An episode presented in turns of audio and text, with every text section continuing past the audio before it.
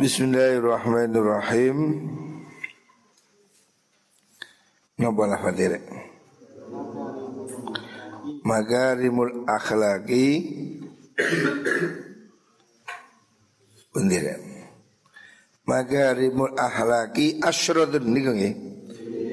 Magarimul akhlaki dawuhnya Rasulullah sallallahu alaihi wasallam Magarimul akhlaki asyradun Magarimul akhlaki utai bagusi Piro-piro akhlak. Maksudnya budi luhur. Kemuliaan akhlak itu ada sepuluh hal. Iku asyratun sepuluh. Ada sepuluh indikator kemuliaan akhlak Keluhuran budi manusia Itu sepuluh hal Ini yang diajarkan oleh Rasulullah Sallallahu Alaihi Wasallam tentang makarimul akhlak. Misi terbesar kanjeng Nabi itu ya liutamima makarimul akhlak. Nabi diutus ini misi yang paling penting adalah untuk menyempurnakan akhlak. Lah akhlak mulia, makarimul akhlak Magarimul akhlak ini ada sepuluh hal. Magarimul akhlak iku asyaratun sepuluh. Takunu ono sopo asra iku fir rajuli indal munganang Wala takunu lan ora ono opo mengkunu akhlak Iku fi benihi ing dalem anai rojul Anaknya kadang belum tentu bisa niru bapaknya. Wadakunulan ono. Wadakunulan ono Apa mengkunu makarimul akhlak Fil ibni ing dalam anak. Waladakunu tapi ora ono Apa mengkunu makarimul akhlak Fil abi ing dalam bapak. Jadi Kemuliaan budi itu tidak bisa diwariskan Ada orang yang bapaknya hebat Anaknya tidak ada yang anaknya lebih bagus, bapaknya tidak. Jadi akhlak itu diusahakan. Sabar itu ya karena berusaha sabar. Dermawan itu ya karena berusaha dermawan. Tidak diwariskan ya. Fi sayyidi ing dalam gustine mengkono abad. Wadakun ono po amakarim iku fil abdi dalam kawulo wala takunu lan ora ono apa makarimul akhlak iku fi sayyidi ing dalam gustine abad. Jadi kemuliaan budi itu bisa terjadi pada semua orang yang berusaha dan dikehendaki oleh Gusti Allah.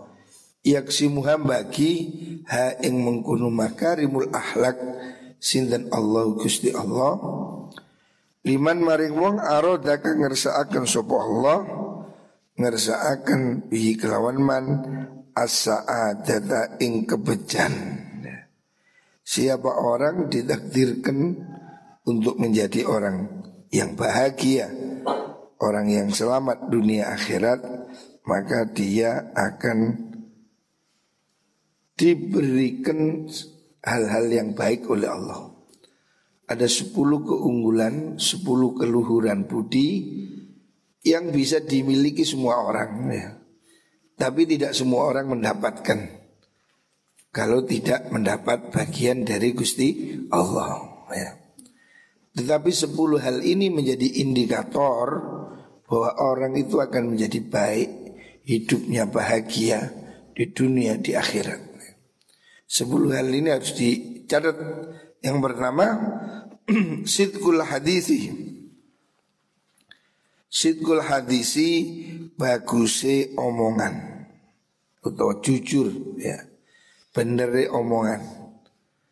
Pertama indikasi orang itu akhlaknya mulia itu jujur.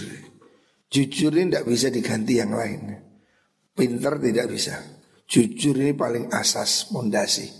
Orang berharga kalau dia jujur ya. Wasidkul baksi nggih. Wasidkul baksi lan benere nompo piloro maksudnya bakso itu kesulitan jadi teguh di dalam kesulitannya artinya orang ini tidak mudah menyerah yang dimaksud sitkul baksi kalau dalam konteks masa lalu itu dia bertahan di medan perang ya. bertahan di medan tempur walaupun sudah kondisinya apa situasinya mungkin tidak tidak menguntungkan ya. Orang dalam perang masa lalu itu kan hanya pilihan hidup atau mati sudah.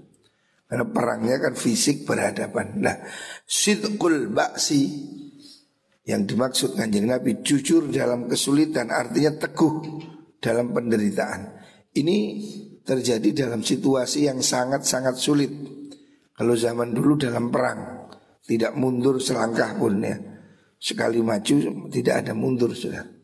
Mati hidup mulia atau mati syahid. Nah itu makarimul akhlak ya. Tidak pengecut, tidak penakut.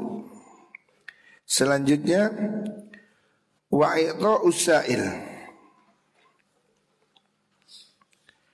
Wa usaili lan awe ing wong kang jaluk sifat dermawan. Sifat dermawan ini juga termasuk bagian dari makarimul akhlak. Jadi jangan jadi pelit. Dermawan ini juga harus dilatih. Karena tidak semua orang terlahir punya sifat dermawan. Menjadi dermawan itu karena ilmu, karena kebiasaan, karena kesadaran, ya. kemauan untuk berbagi bersama orang lain.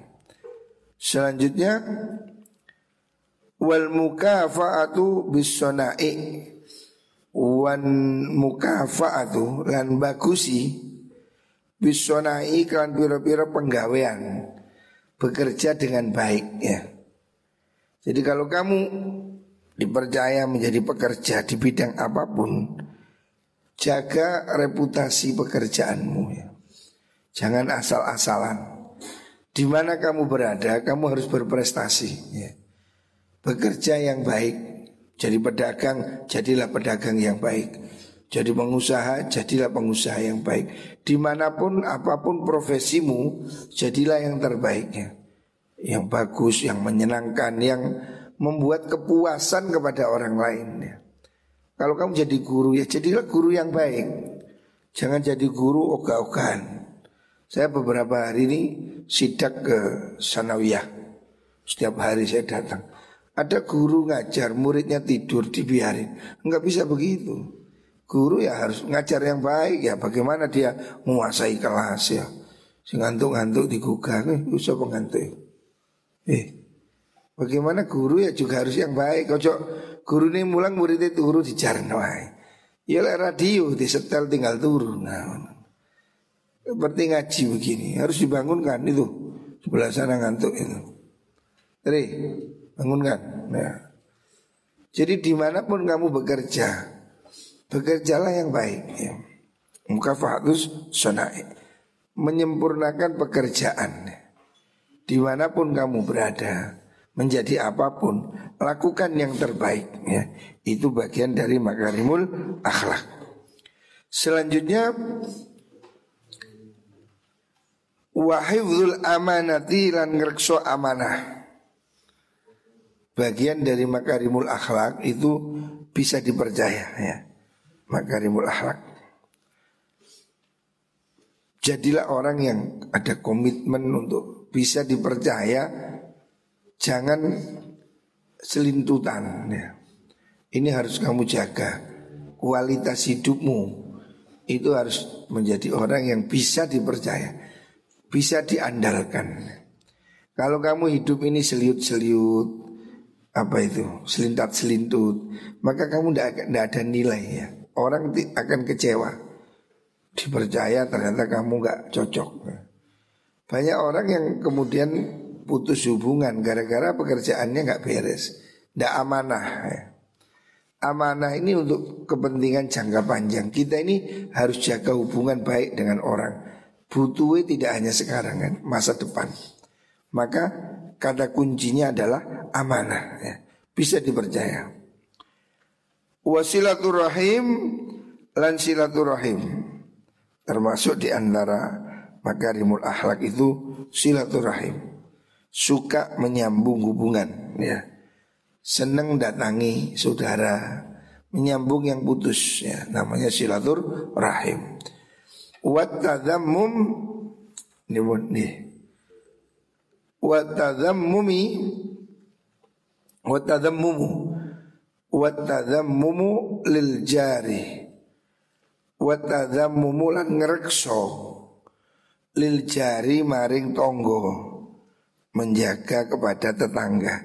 Ada kita bertetangga ini juga harus ya menjaga perasaan ya. menjaga apa keseimbangan. Jangan sakar PDW tetanggamu itu ya perlu istirahat ya. Jangan nyetel salon keras-keras. Ya cukup kupingmu sendiri lah ya. Jangan membuat gaduh ya. Jaga juga tetanggamu. Wa tadammumu lisahib. Tadammumu lan ngrekso lisahibi maring konco. Ya. Termasuk dari makarimul akhlak itu jaga hubungan baik dengan teman ya. Jangan tegoan, jangan cari menang sendiri ya. Berusaha kamu menjaga solidaritas, menjaga kekompakan ya. Dalam hal yang baik Bukan kompak dalam bolos Kompak dalam melanggar bukan Jadilah kamu orang yang merekatkan antara teman Di pondok ini, di kamar yang rukun saling jaga, saling menghormati ya. Jaga temanmu. Temanmu itu sangat menentukan siapa kamu. Kalau kamu berteman orang baik, pikiranmu akan menjadi baik ya. Kalau kamu kepingin kaya, bertemanlah dengan orang kaya. Kalau kamu pingin pinter, bertemanlah dengan orang pinter.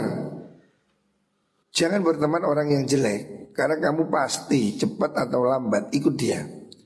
Siapa kamu lima tahun ke depan Lihat temanmu hari ini Kalau temanmu hari ini para Begundal-begundal ya, ya, ya seperti itulah nanti Kurang lebih Bertemanlah dengan orang baik Bertemanlah dengan orang-orang yang berpikiran positif Supaya kamu ketularan positif ya. Ini bagian dari, dari makarimul akhlak Wa ikra'ud Lan nyugui dayo. Nah, ini bagian dari makarimul akhlak yang diajarkan oleh Rasulullah Shallallahu Alaihi Wasallam. Belajarlah kamu menghormati tamu ya. Suguono kalau ada tamu ya apalagi itu saudara, apalagi teman, kalau bisa kasih makan ya. Biasanya ini tradisi orang Madura. Orang Madura ini biasanya lebih apa? lebih care pada tamu ya. Kalau tamu, kalaupun tidak disuguhi makanan ya suguhilah jajan umpamanya. Minimal berilah tamumu itu minum. Jangan biarin tamu itu kelangopan, pelunga pelungu, tuan rumahnya mentolohan. Berilah tamumu suguhan semampumu. Warak suhunna utawi pokoke mengkono asroh di antara sepuluh hal yang disebutkan oleh Rasulullah Shallallahu Alaihi Wasallam yang paling pokok warok suhunna utai pokok yang mengkono asrah iku al hayau sifat isin. Jadi akhlak mulia itu yang top tertinggi rasa malu. Orang ini kalau masih punya rasa malu maka dia pasti jadi orang baik. Al haya'u minal iman Bagian dari iman Idza lam tastahi fa'na fa'amal ma Kalau kamu tidak malu ya kamu ngawur sudah. Kamu akan berbuat apa pun. Karena orang tidak punya malu itu sudah tidak ada kontrol. Malu ini harus penting. Malu ini adalah bagian dari kontrol Akal budi Malu. Gak pantas lah. Santri kok Godain cewek Malu. Santri kok bohong, malu. Malu telat sekolah, malu tidak jamaah, malu tidak ngaji. Kamu harus punya malu. Kalau kamu punya malu, kamu jadi baik. Pasti itu sudah. Malu itu pasti membuat orang jadi baik. Ya. Malu datang terlambat. Malu tidak tertib. Malu kalau tidak bekerja dengan baik. Malu kalau sekolahnya bolos. Harusnya malu. Semua hal-hal yang jelek kamu harus malu. Ya. Makanya ini yang disebut oleh Rasulullah SAW ada sepuluh akhlak baik, ada sepuluh etika tertinggi, sepuluh hal yang disebut Nabi sebagai makarimul akhlak. Tetapi yang paling tinggi adalah malu. Ya. Malu ini pokok. Orang kalau sudah tidak punya malu, ya sudah, tidak ada kontrol, oh tidak ada malu. Kayak PT loh ngarepe langgar dan numpak numpakan ini biasa.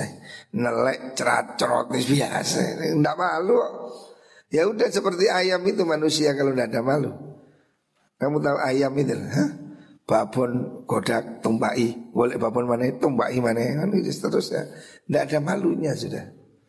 Hilang akal budinya kalau tidak ada malu. Maka malu adalah puncak daripada makarimul akhlak.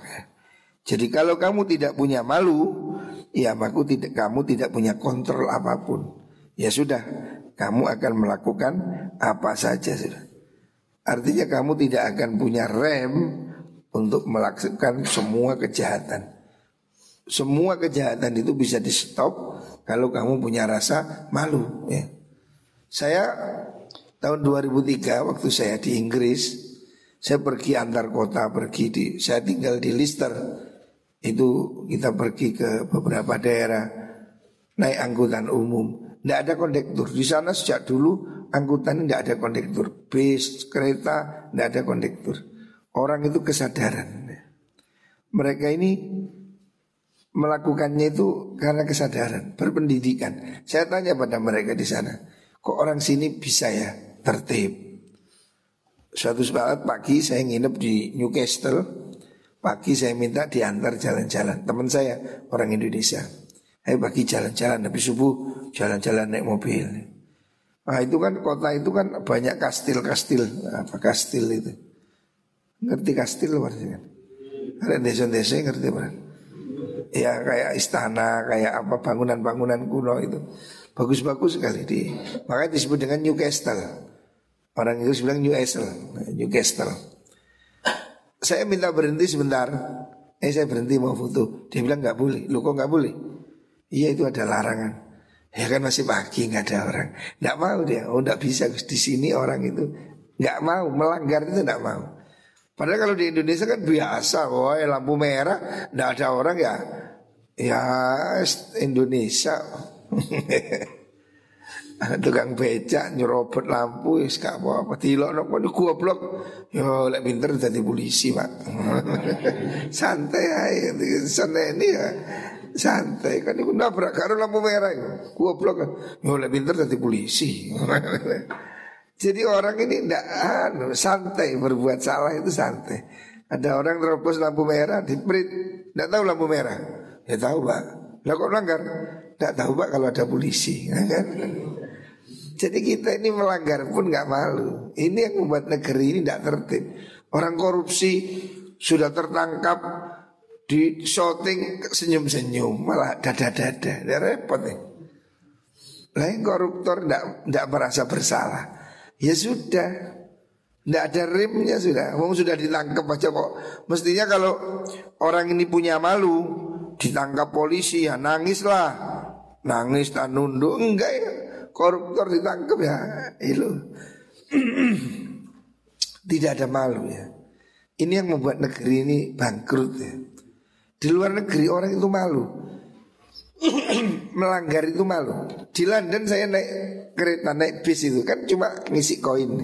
Saya apa ya koin berapa sudah ada tarifnya. Tak coba tak isi ini duit kelitik Indonesia. Ya gak apa-apa. Tak coba kelitik ya menengah ya. Artinya kalau semua orang berbuat seperti saya Bangkrut bisiku Mau dibayar duit kelitik satu serepes Tapi ya seperti itulah kejujuran. Orang tidak melakukan. Kenapa? Malu. Ya. Naik kereta saya. Tidak ada kondektur. Ya seperti itu. Saya tanya kenapa semua orang kok tertib. Kok tidak ada orang nggak bayar. Mereka bilang malu. Nanti kalau sewaktu ada pemeriksaan. Itu malu. Melanggar itu malu gitu Tidak tertib itu malu. Lu ini lo orang non muslim bisa mengamalkan saya ini kalau antri supermarket, kan saya tinggal di Inggris hampir dua bulan. Antri supermarket cuma mau beli sampo aja, antri baris panjang. Sampai kita ini males, nggak tunggu sampo ya antri banyak. Tapi orang mereka biasa, mau naik bis, baris, antri. Kalau di Indonesia, mau yo cepet-cepetan. Yus, lah iso mencolok lewat jendela, lah iso. Jadi kita ini tidak tertib ya. Ini budaya yang harus dirubah. Malu, budaya malu itu loh. Kalau suah malu dari mana? Dari pendidikan. Orang itu kalau malu berpendidikan malu. Karena kalau dibilang agama, lah Indonesia agamanya kabeh. Mayoritas beragama. Indonesia ini mulai presiden sampai RT haji. Bahkan haji 10 kali. Tapi kelakuan ini tidak jadi baik. Kenapa? Tidak ada malu. Ya. Itu yang saya lihat. Kenapa di negeri maju itu cenderung tertib? Mereka itu malu. Ya. Dari mana? Ya dari pendidikannya menurut saya. Negeri-negeri maju itu rata-rata tertib.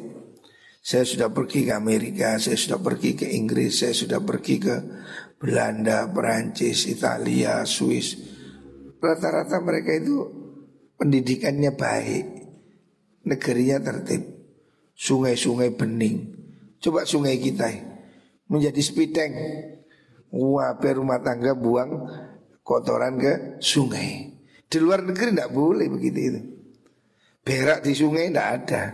Di Indonesia ya menjadi WC terpanjang di dunia. Wow. Ini gimana? Mereka itu heran. Kita ini darurat sampah kotor ya. Sungai kita ini menjadi jorok. Di luar negeri sungai jadi ikon kan di Belanda kita wisata kan sungai. Di Perancis kita jalan di sungai karena sungainya bersih. Tidak ada orang beol, tidak ada orang buang kotoran. Sementara sungai di Indonesia itu kan dia sama dengan sepiteng. Oh, orang buang kotor semua ke sungai. Lihat sungai-sungai kotor sekali. Pantai juga begitu. Waktu saya pergi ke Swiss, saya naik di Titlis di Gunung Titlis, ah, yang jualan di sana itu pernah ke Indonesia. Dia bilang negara Anda itu sangat bagus. Dia melihat Bali dan Lombok. Dia bilang pantai kita itu indah sekali. Cuma sayang, nah, itu sayang apa? Sampah. Jadi dia itu datang ke sini itu jadi relawan sampah. Ini loh yang kita ini nggak punya. Kita ini negara mayoritas muslim, ya. Tapi ketertiban, kebersihan belum menjadi budaya. Orang masih kopros. Dan ini semua negara muslim saya lihat. Saudi Arabia pun ya begini. Orang kopros buat sampah, buat itu. Tidak tertib ya. Beda ada Singapura. Singapura bersih. Tidak ada orang rokokan di terminal, tidak ada. Rokokan di bis, tidak ada. Wah itu dendanya 50 juta ya. Kita bis rokokan, sepur rokokan, di warung rokokan. Surganya rokok Indonesia ini. Surga dunia perokok. Di luar negeri tidak boleh merokok dalam ruangan tidak boleh. Itu etika. Jadi kita ke rumahnya orang tidak boleh ngerokok di ruangan. Merokok di luar rumah gedung, bis, pertemuan, warung, standar. Standar negara maju tidak boleh ngerokok di ruangan tidak boleh. Kalau ke Indonesia po, semua warung kebul-kebul apa ya. Kereta, bis, semuanya ya. Kita ini darurat kotor. Nah ini yang hal yang tidak diajarkan oleh Islam. Sesungguhnya Islam itu mestinya harus bersih. Tapi di Saudi Arabia pun juga nggak bersih. Apalagi negara-negara miskin kayak Yaman, kayak was. Kita ini sedih ya. Harusnya Islam itu bersih ya. Rawahul Hakim an Sayyidah Aisyah. Selanjutnya kala Rasulullah Shallallahu Alaihi Wasallam Kanjeng Nabi bersabda Maktubun iku den tulis. Fil Injili ing dalam kitab Injil. Kitab Injil yang asli ya. Yang belum dirubah. Kama tadinu tudan. Wabil kailil takilu taktal. Ya. Jadi kebajikan, kebaikan Itu diajarkan oleh semua agama semua agama yang asalnya dari Tuhan, dari Allah, apalagi agama yang samawi, itu semuanya pasti mengajarkan kebaikan. Termasuk kitab Injil ya. Kitab Injil yang asli itu mengajarkan kebaikan. Di antaranya yang diriwayatkan oleh Rasulullah Sallallahu Alaihi Wasallam tertulis di kitab Injil, maktubun fil Injil, ya, ditulis dalam kitab Injil kama tadinu tudan kama tadinu koyo oleh ngelakoni siro tudanu bakal den bales siro ya. itu sudah ditanamkan sejak di kitab Injil. Seperti apa yang kamu lakukan seperti itu kamu akan diperlakukan. Ya. Kamu akan dibalas sesuai perbuatanmu kalau kata orang Jawa ngunduh woi wohe pakerti ya. Ngunduh woi pakerti. Orang ini akan dibalas. Ada orang Jawa bilang hukum karma ya. Siapa berbuat baik pasti dibalas baik. Kama tadinu tudan. Seperti apa yang kamu lakukan kamu akan diperlakukan. Kalau kamu tidak mau disakiti, jangan menyakiti. Karena pasti akan kembali pada dirimu sendiri. Kalau kamu tidak mau ditipu, jangan menipu. Ya. Seperti itu kamu menanam, seperti itu kamu akan panen. Ya. Selanjutnya, wabil kailil ladzi takilu tuktal. Wakit bil kaili kelawan takaran Alladhi takilu kang siro Tuktalu dan takar siro Seperti apa kamu menakar Kamu akan ditakar Ya sama Seperti apa kamu melakukan Ya kamu akan diperlakukan Tidak ada orang yang Apa Memanen apa yang tidak dia tanam Kalau kamu nanam lombok Ya mesti panen lombok kalau kamu nanam apel tidak mungkin panen berambang. Ya. Seperti itulah hukum dunia ya. Makanya tidak ada pilihan. Kamu harus lakukan yang baik supaya kamu diperlakukan orang dengan baik ya. Di dunia dan juga sampai di akhirat. Ini hukum paling standar. Semua agama mestinya seperti ini. Perlakukan orang lain seperti kamu ingin diperlakukan. Jaga kebaikan, kamu akan diberi kebaikan. Berbuatlah jahat, kamu akan mendapat balasan. Balasan itu pasti ada. Baik di dunia ataupun di akhirat. Rawal an bin Ubaid. Selanjutnya Rasulullah Shallallahu Alaihi Wasallam bersabda, maktubun fit Taurat Nah, jadi Nabi ini juga apa? Mengetahui kitab-kitab yang sebelum kita. Kitab Taurat, kitab Injil ya. Makanya di sini diriwayatkan Nabi bersabda maktubun fit Taurat. Maktubun dan tulis fit Taurat di dalam kitab Taurat apa man balagat lahubnatun isnai asyarata sanatan falam yujzawwijha fa asabat ithman fa ithmu dzalika alaihi rawahul bayhaqi nah, ini ternyata ditulis di kitab Taurat kitabnya Nabi siapa Taurat kitabnya Nabi Musa orang bilang Torah Taurat di kitab Taurat ribuan tahun yang lalu sudah ada tulisan begini. Tulisan ini ini. Maktubun fit Taurat tertulis dalam kitab Taurat. Man balagat man utawi sapane wong. Alhamdulillah. Man utawi sapane wong iku balagat tu mekoh. Lahu keduiman sopo ibnatun anak wadun Isnatai asyurata ing umur rolas tahun. Apa nesanatan taune Ya pada zaman itu ya. Pernikahan itu 12 tahun. Anak perempuan. Kalau hari ini undang-undang di Indonesia 18 tahun Pada zaman itu tertulis di kitab Taurat Siapa orang punya anak gadis usia 12 tahun. Falam yuzawwijha Nuli orang rabe akan sopo wong ha ing mengkono. Ibnah Siapa orang punya anak perempuan Usianya 12 tahun Tidak dinikahkan.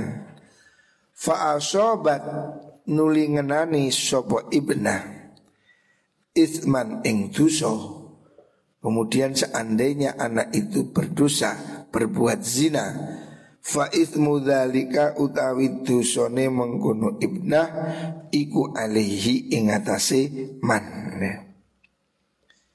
Jadi dalam kitab Taurat ribuan tahun yang lalu sudah tertulis ya dan ini dikutip oleh Nabi Muhammad SAW dalam hadis yang diriwayatkan oleh Imam Baihaqi dari sahabat Anas bahwa tertulis dalam kitab Taurat kitabnya Nabi Musa wajib orang tua nikahkan anak ya. wis wajib wong tua ngerabek no anak hmm. Kan biasa ono arek pleset no. Wabak tufa lambe doble kene keplak. Wis wajib wong tu wong rape no anak ngono. Plesetane akidatul awam. Orang tua harus menikahkan anak. Dalam kitab Taurat Siapa orang punya anak Usia 12 tahun Kok tidak dinikahkan apalagi 20 tahun, apalagi 25 tahun. Siapa orang tua punya anak gadis tidak dinikahkan sampai dia usia ya 12 ke atas, kalau anaknya itu berzina maka dosanya ditanggung oleh orang tua. Jadi orang tua terkena efek dosa. Jadi di antara kewajiban orang tua itu menikahkan anak. Mangkane sing duwe anak wedok harus dirabekno. Anak lanang ya nopo, anak lanang ya juga begitu, tapi anak laki-laki kan bisa milih sendiri. Kalau perempuan kan harus melalui wali. Tetapi ulama dahulu juga begitu. Imam Ahmad pernah waktu sholat subuh lihat anaknya remaja laki-laki. Didelok kok anak itu anu nego melok tahiyat. Nah, tahiyatul oh, tahiyat anu ya. Langsung besok dicarikan siapa pacarnya anak saya yang dikepingin siapa itu langsung dinikahkan. Jadi takut anaknya sampai berzina. Jadi orang tua ini harus memprotek anaknya, laki-laki ataupun perempuan. Tapi kalau perempuan itu wajib ya. Kata Rasulullah SAW di antara hak anak, hakul walad alal walid, hak anak pada orang tua, wajib wong tua, ayoh sina isma. Kalau punya anak, berilah nama yang baik. Itu kewajiban pertama. Jangan sampai anak ini diberi nama yang jelek, sehingga kan malu ah. Dua anak dijenengi cikra, kan isin. Cikra kan dari telek, ah, bondet, karong, bandot. Pertama orang punya anak harus diberi nama yang baik. Yang kedua wa yuhsina adabah harus diajarkan yang baik, pendidikan yang baik itu kewajiban orang tua. Terus wa yuzawijahu idza adraka. Kalau sudah waktunya harus dinikahkan. Khususnya kalau dia itu punya anak perempuan. Karena perempuan ini kan nggak bisa nikah sendiri perempuan menikah perlu adanya wali ya. Makanya ya orang tua harus peduli. Jangan nunggu lamaran. Anak saya belum ada yang lamar. Ya diiklankan apa ya apa. Maksudnya digolek-golek nah. Tekonang pondok banyak orang itu ke sini tanya saya, untuk Agus Ustad sing anu. Tak kayak iya no Ustad nih. Ya, baik jodoh. Ya ono sing jodoh, ono sing gak jodoh. Makanya kau niku sing pinter. Gua ono wong golek mantu rene. Atus mantu. Oh sing nek nopo? Sing anu, oh ya sih. Kok umpamane nurus apal Quran tak kena nurus. Endi nurus sih. Terus mencoba apal Quran bisa dipek mantu kiai kan. Ono wong rene golek mantu. Saya ini sering ditelepon orang-orang cari mantu itu. Gus ada anu ini anak saya dokter. Ya, tak wasno kayak gini ya. Kalau sing cocok ya. Potongannya ya. Dower-dower ini. ya kan jago tuh cocok masa bujuni dokter sing lanang pelunga pelungu ya, ya. ya tak golek pandangan. Makanya kamu itu harus berkualitas. Kalau kamu tidak tampan, kamu harus mapan. Karena wanita itu selalu mudah memaafkan wajah pria yang mapan. Kak bos, elek sing penting suki. Ngono ngono ngono Ojo elek picak pun gak apa-apa. Ono wong wedok sing ngene golek golek bojo bapak masih picak pokok suki ngono. Makanya kamu kalau tidak tampan harus mapan. Lah ku pinter. Ada orang itu kepingin mantu yang pinter. Ada bupati telepon saya. Pak Bupati telepon saya. Gus, tolong Gus carikan anu jago. Waduh, jago maksudnya bojo. Oh iya Pak, apa Pak? Kriteria gimana Pak? Adik saya ini sudah S2, sudah anu mengelola ini, mengelola itu. Umurnya pinter, 6 likur. Nah anak buahku ini umurnya sih tidak kena Pak Milal, tuwean Pak Milal kalah Pak Milal.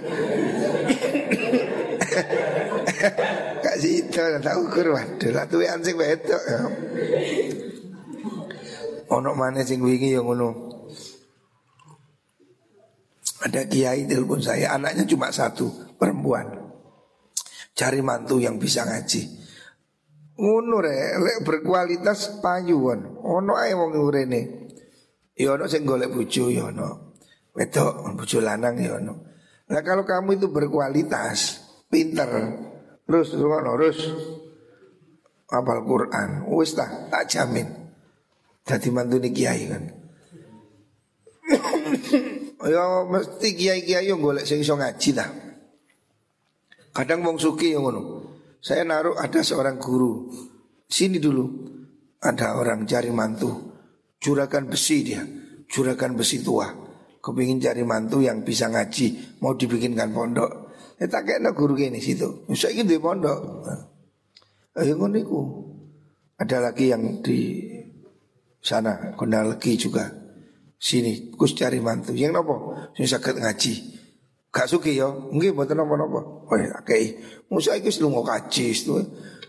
Jadi mertua-mertua kaya ini cari mantu sing jujur. Mesti berapa orang datang ke saya itu minta jarikan mantu. Wis kus yang penting niku jujur. Nah makanya kalau kamu jujur, kamu punya kesempatan. Tapi lek kon gak jujur, wis elek, gendeng coba, aduh, aduh, cah kacau ini. Jadi kamu harus baik, jadilah baik ya. Kalau kamu pintar ngaji, sergap, insya Allah Wakil sing golek mantu wakil. Saya ini berkali-kali dapat orderan.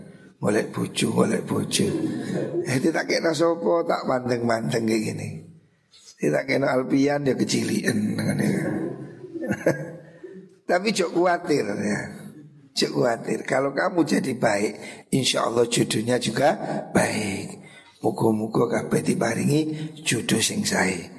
Amin Allahumma amin.